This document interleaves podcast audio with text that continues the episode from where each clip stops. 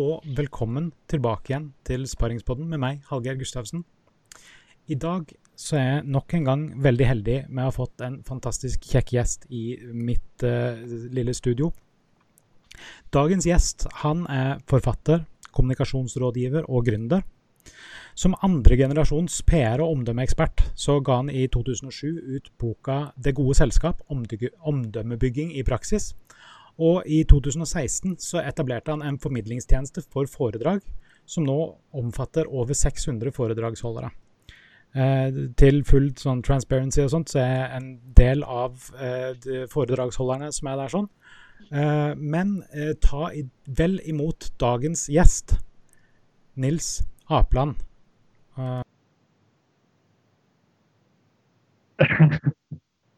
Tusen Hallgeir. Hyggelig å være gjest hos deg.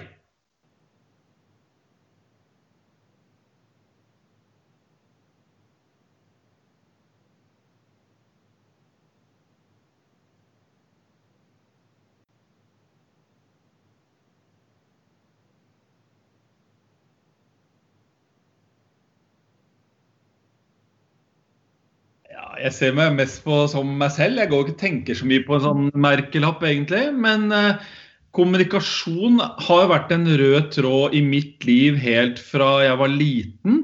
Ja. Jeg ble redaktør for Skoleavisen i fjerde klasse og holdt på med sko skoleavis eh, oppover hele både videregående og ungdomsskolen. Jeg, var PR-sjef i russestyret, selvfølgelig. Mm. Jeg var informasjonsansvarlig på Markedshøgskolen hvor jeg studerte. Og jeg har jobbet som frilansjournalist. Så, så, kommunikasjon er vel den røde tråden. Og jeg liker å jobbe med kommunikasjon, og jeg liker å kommunisere. Eh, ja. Eh, nå fikk jeg eh, inn en kommentar her av Jan Martin eh, Berge at det ikke var noen lyd på meg når jeg starta, men jeg tror det skal være lyd på meg nå. Det jeg sa som start, det var at uh, vi har hatt tekniske problemer her i dag. Eller jeg har. Uh, Nils har faktisk ikke hatt noen tekniske problemer i det hele tatt. Uh, men som sagt, Nils Apland, forfatter, kommunikasjonsrådgiver og gründer. ja, du er annengenerasjons PR- og omdømmeekspert, egentlig. For far din var, hva var det sto på Wikipedia, PR-pioner. Ja, altså du sitter jo i Stavanger nå, stemmer ikke det? Ja, det stemmer. Min far var fra Stavanger, fra Kampen. Ja. Eh, og jeg husker det, Da jeg var liten og vi var i sånne store forsamlinger, så pleide faren min å si er det noen fra Stavanger her?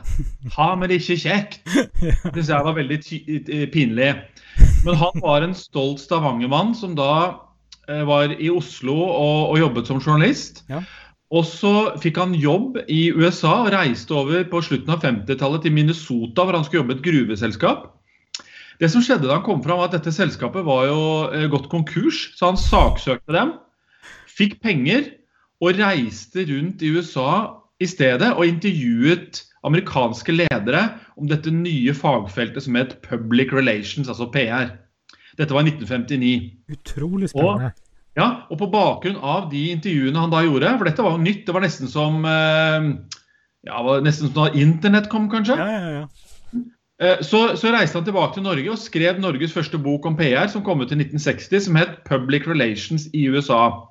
Og På den tiden så snakket man ikke om PR, man snakket om journalistikk på den ene siden, ja. og så var det reklame. Annonser i avisen. Så han fortalte om hvordan bedrifter da må jobbe for å bygge sitt ve og vel, for å eh, ta vare på sine interessentgrupper, naboer, journalister, aksjonærer osv. Og, så mm. og introduserte PR-begrepet for det norske folk, og startet et av de første norske PR-selskapene da som vokste utover på 60-tallet. Eh, og så ble jeg født i 1969. Eh, og har da egentlig fått dette inn da fra middagsbordet. Så han jobbet som PR-rådgiver hele min barndom. Jeg husker diskusjoner rundt middagsbordet om pressemeldinger, og jeg var vant til at det fløt aviser og blader rundt i huset. Så alltid vært mye media og kommunikasjon hjemme hos oss. Ja, ja du, du, kunne vel egentlig ikke blitt så mye annet, sånn sett? Nei, og på den annen side så er det jo Vi vet jo fra forskning og praksis at veldig mange barn velger samme yrke som foreldrene. Det kan være om de er leger, advokater eller bilmekanikere. Eh, så det var veldig naturlig. Samtidig så var det aldri noe liksom krav eller sånn rundt det. Det kom, eh, det kom til oss. Jeg har en bror også som jobber i bransjen.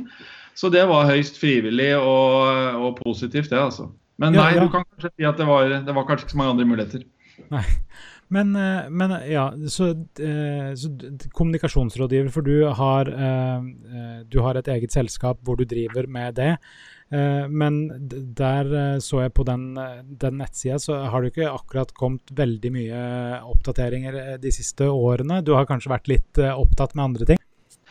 Eh, Med bakerts barn osv. Nei, Ja, vet du hva. Jeg, jeg startet jo, som du nevnte, talerlisten i 2016 og har brukt eh, veldig mye av min eh, våkne tid de siste årene på det. Og da har min PR-virksomhet vært mindre. Men jeg hjelper fortsatt eh, ledere og andre med kommunikasjon, men eh, i mindre skala da enn jeg gjorde før. Eh, hva, hva var det som gjorde at du hadde lyst til å starte talelisten, egentlig? For det det, det, ser, altså, det er jo et Sånn sett så er det en veldig eh, bra tjeneste, sånn sett. Men, men det som bare sånn Ja, det trenger vi. Nei, Det er jo en historie bak alt. Og jeg, for å ta det kortversjonen, jeg jobbet jo 17 år i det byrået som heter Apeland, og som min bror fortsatt driver. Mm. Det ble jeg litt lei av til slutt, så jeg sluttet der i 2010. Og så brukte jeg noen måneder i 2011 på å, å tenke litt hva jeg skulle gjøre. og Så startet jeg da for meg selv i 2012. Og en av de tingene jeg hadde lyst til å gjøre mer av eh, som selvstendig rådgiver, det var å holde foredrag. Så det gjorde jeg. Og i 2012 holdt jeg vel kanskje 100 foredrag. Ja. Eh, og dette fortsatte med å gjøre. Og en dag i 2016 så var jeg invitert opp til Tromsø for å holde et foredrag der. Det var faktisk to foredrag. Og like før jeg reiste opp, så ble jeg fortalt at det ene foredraget, eh, eller kurset, var det litt få påmeldte til. Så jeg fikk spørsmål om de kunne utsette det. Det sa jeg, det går helt fint. Men jeg hadde likevel betalt flybilletten min og hotellrommet mitt osv. Så, videre. Ja. så jeg satte meg i stedet på en kafé for å begynne å jobbe litt den 1. mars 2016, hvor jeg da skulle holdt foredrag. Og så satt jeg på den kafeen og så tenkte jeg det var veldig mange mennesker på den kafeen midt på dagen. Syns det var litt rart. Og så tenkte jeg hvorfor har alle de menneskene kommet hit midt på en vanlig tirsdag? Og tenkte jeg de har vel kanskje gjort det samme som meg. De har vel brukt TripAdvisor for å finne fram ja. Tromsøs beste kafé. Ja. Og så slo tanken meg hvorfor har ingen laget et slags TripAdvisor for foredragsholdere, som ble det en skapt ved en tilfeldighet i Tromsø 1.3.2016. Husker du hva eh, kafeen het? Eh, det Risør mat og kaffebar. Ah, ja, ja. De har sykt god Så, kaffe så, der. så det var altså ikke noen eh, tilfeldighet, men du kan si bakenforliggende eh, kraft da, som kanskje hadde ligget en stund. Det var at i de tre månedene hvor jeg var mellom jobber i 2012, så reiste jeg til USA og utforsket et fagfelt som heter samfunnsansvar, CSR. Det var jeg litt nysgjerrig på. Ja. Og jeg kjøpte bl.a. en del bøker, og jeg var mye bokhandler, for det er jeg veldig glad i. Og der fant jeg en bok som het ehm, eh, The Four Hour Work Week. Ja. Altså handler om hvordan du kan jobbe mindre og tjene mer. Mhm. Og Et av hovedpoengene i den boken det er at du må finne noe som tjener penger for deg. Du, for du kan ikke jobbe hele tiden. Du må få noe Nei. som jobber for deg. Ja, ja, ja. Det hadde, det hadde jeg nok hatt liggende i bakhodet en stund. Eh, Så da talerlisten kom, så var det da min anledning til å få noe annet enn meg selv til å jobbe. For det er klart, når du jobber som konsulent, så har du ikke mer enn 24 timer i døgnet. og og du kan bli sliten av det, og jeg har jobba mye opp gjennom årene. Ja, Så, så dette var en måte å komme litt eh, videre på, da. Ja, eh, men hvis jeg kjenner deg rett, så, så betyr jo ikke det nødvendigvis at du har jobba så veldig mye mindre siden du starta opp et eh, eh, opp talerlisten. Men det, du bygger gjerne noe som, som skal gjøre at du kan ha en sånn four hour workweek på sikt. Altså Det står jo ofte om gründere i avisen at de jobber mye, og, så, og det kan jeg underskrive på. I starten, første perioden, så jobbet jeg nok fra fem om morgenen til elleve om kvelden, Mm. med unntak av måltider. 15, 15 timers dager. Mm. Alt som skal ordnes. Eh, nå er det mindre, for nå har jeg jo dyktige folk rundt meg også, men det er mye jobb. Og Ja, det er, en, ting er, en ting er når du setter deg ned for å jobbe, men her går jo tankene når jeg er i dusjen, når jeg går tur med hunden min, eh, når jeg spiser middag, Ja, ja. når jeg spiser Så det er jo gründerens glede, da. ja nei, jeg, jeg, jeg ser den, og eh, det er veldig sånn med tanke på eh, Med tanke på det, den, de tankeprosessene som går hele tida, uansett, så er det Altså, det er på en måte en, en tid man ikke kan eh, Altså, man kan jo ikke si at nei, nå er jeg jo ikke på jobb, så nå må jeg bare slutte å tenke. Altså, det er jo ikke sånn man funker heller, gjerne. Men, det er veldig hyggelig. Det å være gründer og ha de tankene er jo veldig hyggelig fordi det er på en måte dine egne tanker og det er din egen virksomhet. Mm. Mange mennesker går jo på jobben og er litt lei, de er litt sur, de liker kanskje ikke sjefen sin, de syns jobben er en pest og en plage. Uh, og, og, det er et sted de tjener penger. For meg er jobben livet mitt, og, og firmaet er på mange måter livet mitt. Familien min er involvert i det ja. på en positiv måte. Og det er mange fine ting med å være gründer òg. Du kan jo uh, ta tidlig helg, eller du kan jobbe fra utlandet, eller ja. uh, altså, Stor grad av frihet, da. Men, men, ja, for dere har vokst en del. Når, deres, når talerlisten begynte, så var det jo bare du. Og så fikk du med Mørk Sara. Sara, ja. ja. Jeg husker etternavn. Uh, hun, hun, kom med i 17. Nei, jeg, det, er, det, er riktig at jeg startet alene, men jeg var veldig rask til å knytte til meg folk. og jeg, På den tiden så var jeg lærer også på Høgskolen Kristiania. Ja.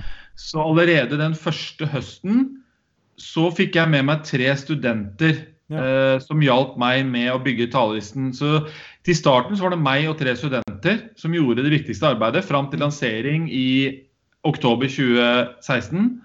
Og så fulgte da Sara med videre. og Hun er jo da bookingansvarlig. Jobbet sammen med meg i tre og et halvt, nesten fire år. Er en veldig verdifull medarbeider. Ja, men så har dere blitt flere òg? Ja da. Ja. det er fire årsverk i dag. Fire årsverk, ja. Mm. Ja, nei, det, Jeg syns jo det er veldig gøy å se sånn eh, nå, Jeg husker ikke helt når jeg blei eh, foredragsholder på talerlisten, men eh, jeg har jo bare Altså det, det er en veldig sånn smooth prosess, på en måte. Har dere jobba mye med prosessen av å på en måte få eh, onboarda talere og sånne ting? Ja, du kan si det har vi. Det som var spennende, var at visste, jeg visste jo ikke noe om hvordan dette kom til å gå, og hvor den store interessen ble. og Etter at vi hadde lansert den høsten, så fikk vi jo hundrevis av e-poster og folk som ville være med. Ja. Og, og, vi lærte mye i starten der rundt det. Så i starten så måtte vi jo liksom skuffe unna de vi mente vi ville ha med, som vi ikke hadde kontaktet selv. Ja. Og deretter har vi kjørt en mer nøye prosess med auditions og den type ja. ting.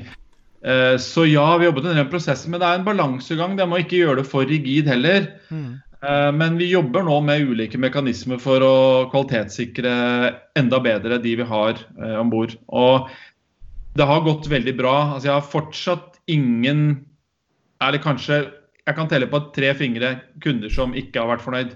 Ja. Så det har fungert ganske bra. Ja, eh, men ja, det blir veldig vanskelig å, å, ha denne samtalen uten å ta et par ord om korona. Men eh, hvordan Jeg regner jo med at det påvirka dere veldig mye? Ja, det er riktig. Eh, og som alle andre så måtte vi slutte nesten virksomheten fra 12. Ja. mars. Så Sara måtte bruke mye tid på å ringe eh, oppdragsgivere og utsette oppdrag til høsten f.eks. Mm. Så i praksis så har vi altså vært uten omsetning mer eller mindre siden 12.3, med noen unntak av digitale foredrag, som jeg og andre har gjort. Mm. Og noen eh, hvor vi har solgt billetter til. Så det har vært litt virksomhet eh, og litt inntekter, men veldig mye lavere enn det det eh, normalt er. Ja. øh, jeg leste en øh, artikkel øh, var det på kampanje som, som snakka med deg. Det, det var jo da i slutten av 2019, tror jeg og Da sa du at 2019 så veldig bra ut. Hvordan så 2020 ut før korona? Det så meget bra ut. Januar hadde vi Vi tjente like mye penger i januar som i hele fjor. Ja. Det var en god start. god start.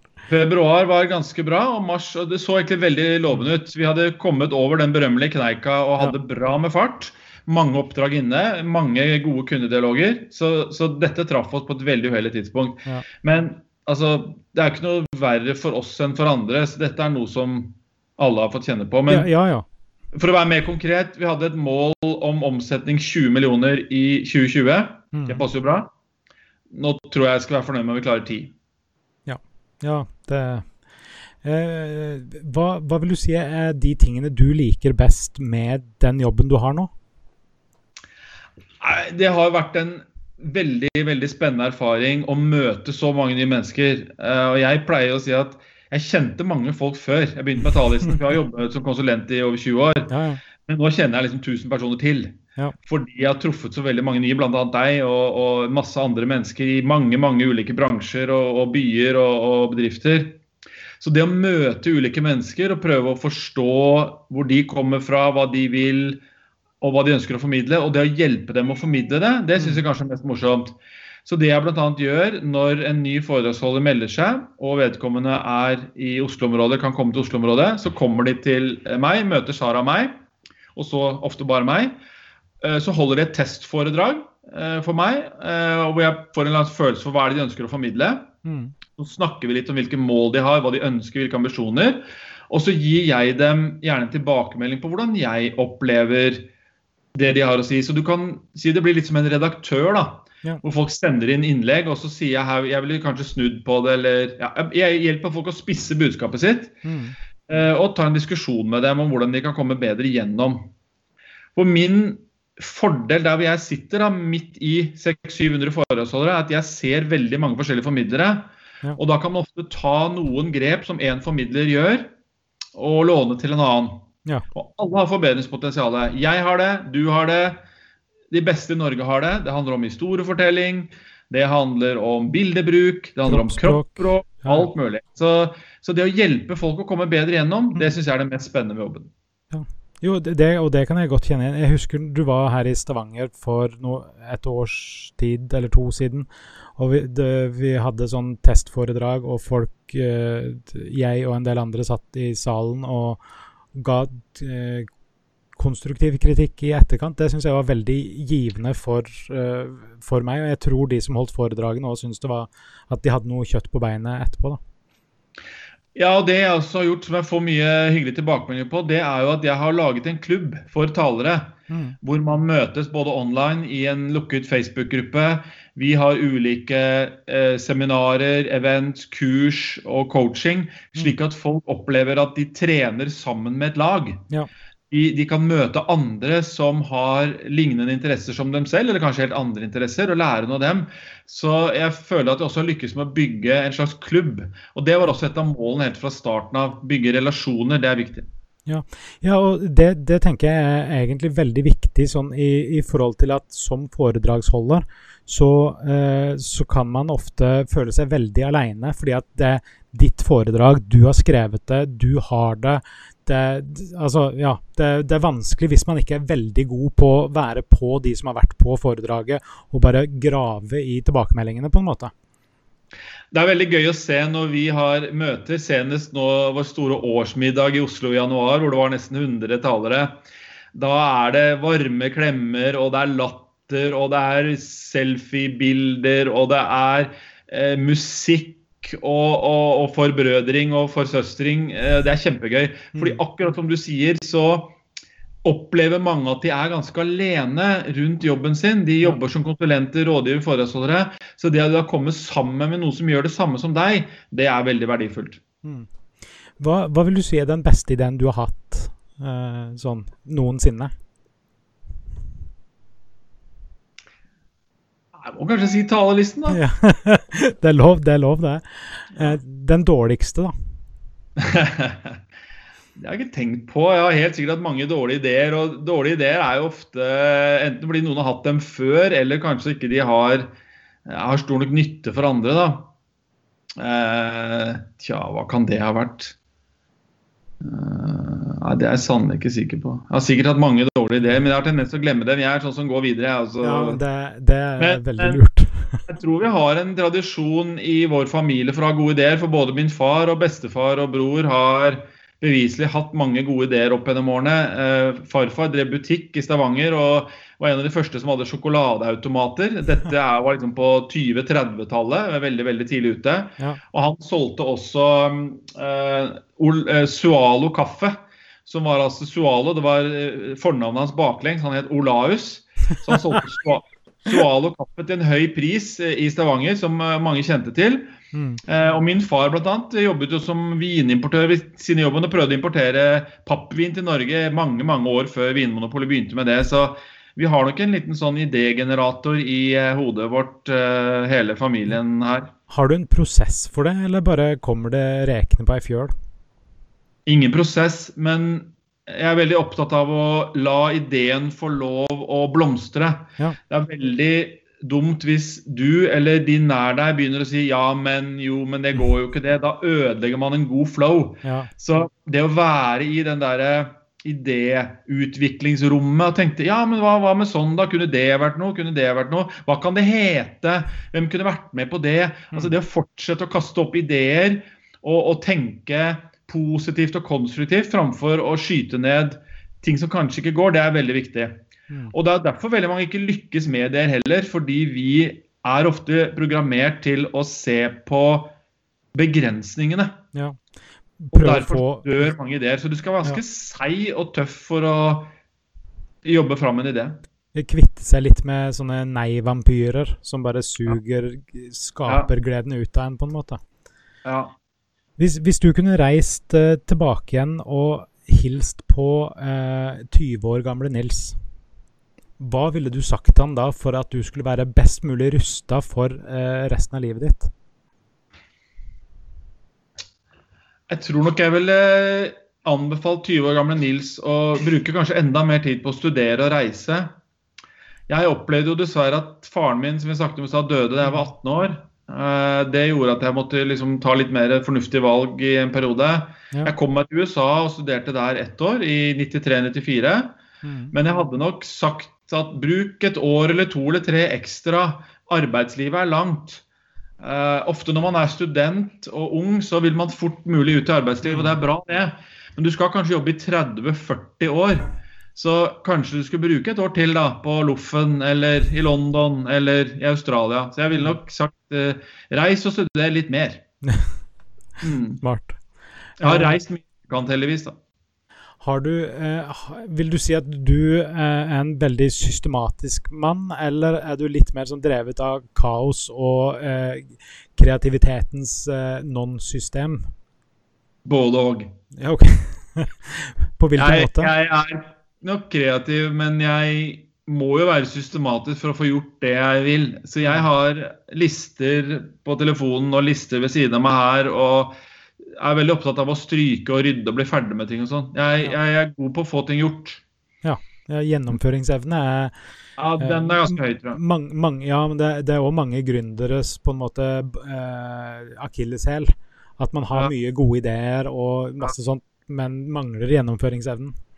Jeg har jo blitt kontaktet av i hvert fall en fire-fem ulike aktører etter jeg etablerte talerlisten, som har lyst til å gjøre lignende ting for artister eller tannleger eller frisører. den type ting. Og så har jeg sagt vær så god, du kan, kjøpe, du kan kjøpe teknologien vi har laget og skal hjelpe deg på vei, men jeg må ha en, et beløp for å sette i gang. Ja, Kjempefint å høre fra meg, sier de. Ja. ja, nei. For det å, ha, det å ha en idé er jo egentlig det letteste. Det er gjennomført som vanskelig. Dette skriver Petter Stordalen om i sin bok, eh, som jeg anbefaler. den Jeg skal fortelle deg min historie. Han sier at gjennomføringskraft er nøkkelen. Ja, ja, ja, det, altså. eh, det kan jeg skrive ned på. Ja, en idé i seg sjøl er egentlig verdt relativt lite, hvis man ikke klarer å gjennomføre det. Og det er en annen ting som har imponert meg med alle dem jeg har truffet på talerlisten, og som kanskje noen som hører på nå, veldig mange som har en veldig høy grad av gjennomføringskraft. Ja. Arman Westad f.eks., flink foredragsholder, kommer innom med ideer, eh, ringer og mailer og holder på. Altså folk, folk lager blogger og podkaster. Jeg er imponert over veldig mange menneskers gjennomføringskraft her i landet. altså. Ja, eh, har, Du sa du har lister og sånt. Eh, har du noe system i de listene? Altså, bruker du en eller annen sånn 'getting things done' eller eh, filosofi bak? Nei? Jeg har et Word-dokument som heter 'Noe å gjøre'. og Det er langt. og Der legger jeg ting inn, og der stryker jeg ting ut. Og så har jeg notes på mobiltelefonen min med ulike temaer med, og ideer til ting. Det er masse, jeg har kanskje 50 forskjellige sånne kapitler på den. Og så bruker jeg papir og penn. Ja, ok. Ja. Enkelt og greit. Eh, tre ting du ikke klarer deg uten i hverdagen, da. Kaffe. Mhm. Eh, jeg må kanskje si kona mi. Ja, ja, det, det, det kan- hende at det er lurt å legge inn de aksjene. Og selv om jeg ikke er avhengig av mobiltelefonen, så er jo den også et veldig viktig verktøy i det meste jeg gjør. Så hvis jeg har kaffe og Katrine og mobil, så kommer jeg langt. Her er en kopp som jeg har fått av min sønn. Det står at jeg er verdens beste pappa også. Det er jo hyggelig. Ja, det Det, det, det er veldig, veldig bra. Har du, er du en sånn Android-person eller iPhone-person? Eller- iPhone. Det- iPhone og Mac. Jeg har- hatt Mac siden 1990. Ja. Mm. Eh, hvilke apper bruker du mest på iPhonen din, da? Det går mye Facebook, selvfølgelig. Mm. Eh, jeg bruker mye podkast, altså Apple Podkaster. bruker jeg mye, Hører på podkaster. Ellers er det vel ikke så veldig fancy det. altså Jeg bruker Vips og, og mye nyhets. Jeg leser mye nyheter. DN, Aftenposten, NRK, VG, Mm. E24. Eh, Jeg har ingen sånne fancy apper med fancy funksjoner som jeg kan komme på sånn i Ops, jeg tar fram telefonen her. Ja. Eh, eh, LinkedIn uh, Ja. Jeg, jeg er vel litt sånn tendens at jeg, jeg leser om apper, og så laster jeg dem ned, og så bruker jeg dem ikke. Ja. Nei, eh, så altså sånn Med tanke på at du liker, eh, liker å systematisere ting og ha liste, så vil jeg tipse deg om Omnifokus. Eh, jeg har nevnt det på pod podkasten et par ganger før, men det er, det den eneste grunnen til at jeg klarer å gjennomføre ting, er på Ja, av ja. Eh, altså det, det er som du lager lister hvor du kan sjekke av når du har gjort ting, men du kan Mhm. tagge ting. Og det er det jeg syns er kult med det. fordi at eh, hvis jeg har folk på jobb, eller eh, kona mi, eller et, altså, no, noe som jeg trenger noe annet enn bare meg selv for å gjennomføre, så kan jeg tagge det med den personen eller den tingen. Og så når jeg treffer den personen neste gang, så tar jeg opp omnifokusen min, slår opp den taggen, og så er det sånn Ja, der har jeg faktisk tre ting jeg skulle gått gjennom med. Eh, Jeg skal sjekke ut den. Den er ganske kul. Eh, liker du Instagram eller Snapchat? Eh, er du på noen av de? Jeg bruker Instagram, men ikke så mye. Nei. Eh, YouTube eller TikTok? YouTube. Ja. Ikke vært på TikTok ennå? Eh, jeg har TikTok-konto, og jeg vet hva det er, men jeg bruker det ikke. OK. Eh, på Jeg tenker bare en liten kommentar Ja. til det. Ja. Det, snakkes ofte, det snakkes ofte om generasjonsskiller og sosiale medier og sånn. For meg handler sosiale medier Jeg bruker det mye, men det er jo en potensiell stor tidstyv. Ja. Vi, vi, vi, vi vet, og vi så nå under korona, at mange bruker liksom fire, fem, seks timer hver dag. Det har ikke jeg tid til. Så jeg har valgt bort f.eks. Snapchat. Jeg har valgt bort en, jeg bruker lite Instagram, jeg bruker Facebook, litt LinkedIn. Og det er det omtrent. Fordi det kan fort bli veldig altoppslukende. Jeg er i tillegg glad i å lese. Jeg leser bøker på papir. Eh, Jeg liker fortsatt å lese lange artikler i aviser. Mm. Så jeg er litt opptatt av å ikke bruke hele tiden nede i en skjerm. og Derfor har jeg eksempel ikke gått inn på Snapchat. Jeg, jeg vil oppfordre folk til å ha en litt sånn kritisk holdning til hvor mye tid man egentlig bruker på sosiale medier. For det kan bli eh, årevis av livet ditt til slutt, og da må du vurdere om du er det du har lyst til. altså. Det, det kan jeg. Jeg tok et valg for en del år siden om at jeg skulle slutte å lese kommentarfelt på internett. Mm. Det ble livet mitt veldig mye bedre av. Mm. Og så, eh, når, det ble, når jeg merka at det ble såpass mye bedre av det, så tenkte jeg Lurer på om jeg skal slutte å lese aviser også. Mm. Da gjorde jeg det. Mm. Eh, fordi det jeg har innsett, er at hvis det skjer noe viktig, så er det noen som sier det til meg. Mm. Eh, det har fungert så greit så langt, men jeg, men jeg ser jo at det, det er en del ting som jeg bare må eh, nikke og smile. Det, det skal jeg innrømme. Men ikke sant, Du har tatt dine valg, og jeg, jeg mener jo det er, ikke, det er ikke noen valg som er gale eller riktig. Men jeg tror det er bare viktig at folk har et bevisst Ja. forhold til hva ønsker jeg å bruke tiden min på. Mm. Jeg leser en bok nå som heter 'Du lytter ikke'. Uh, denne. Ja. Veldig god. Og, og den handler bl.a. om veldig mye av de, mange av de distraksjonene som vi opplever til hverdagen, som gjør at vi annet ikke klarer å ha en ordentlig samtale med folk. da. Vi klarer ikke å se folk i øynene, lytte til hva de faktisk sier, og høre ordentlig hva de snakker om. Mm. Fordi man hele tiden er så opptatt av f.eks. mobilen. Ja. Så jeg tror det er klokt at alle tar et lite sånn revisjon med seg selv innimellom og tenker bruker jeg tid på de tingene jeg syns er viktige i mitt liv. Kanskje jeg skal gå litt mer ut, kanskje jeg skal begynne å spille piano, kanskje jeg skal få meg hund, skal jeg begynne å svømme. Ja. ikke sant? Eh, For det er en eh, sannhet at veldig mange sitter veldig mye av dagen nede med nesa i mobilen, og da må man vurdere om det er det man faktisk har lyst til å bruke halve dagen til. da. Absolutt. Eh, Jeg pleier å avslutte alle episodene mine med ti kjappe spørsmål. Noen Ja. ganger blir det òg ti kjappe svar, så det kan vi se nå. Ja. Jeg skal prøve. Eh, Hva er ditt favorittord? Verdifullt. Hvilket ord liker du minst? Utrolig. Hvilke ting blir du gira av? Eh, Når andre mennesker er gira. Hvilke ting misliker du? pessimister. Hva er favorittlyden din? Hmm. Penger som de Nei, nei, eh, jeg vet ikke. Fugle, fuglesang syns jeg er fint. Jeg har hytte et sted hvor det er veldig stille. Da hører jeg på gjøk og, og fuglesang. Syns jeg er vakkert. Hvilken lyd hater du? Hater eh, Sånn folk som gress, klipper gresset med motorgressklipper. Ja. Hva er favorittbanneordet ditt? Jeg banner ikke så mye. Eh, helvete, kanskje? Hvis du skulle hatt et yrke utenom det du har nå, hva skulle det ha vært? Jeg tror jeg ville vært journalist. Hvilket yrke ville du absolutt ikke hatt? Sånn som obduserer lik på, på likhuset. Hvis himmelen eksisterer, hva ville du helst at Gud skulle sagt til deg når du kom dit? Da ville jeg helst hadde sagt velkommen. Nå skal du få møte faren din igjen. Kult. Og med det så har jeg Det, det var en eh, kjapp prat som begynte med eh, litt tekniske problemer. Jeg følte vi tok oss fint inn. Uh, vil si tusen takk for at du, uh, du kom i studio. Uh, sjekk, ut ta sjekk ut talerlisten, alle sammen. Uh, så får alle ha en god helg når den tid kommer. Og så snakkes vi plutselig. Tusen takk til deg, Hallgeir. Takk.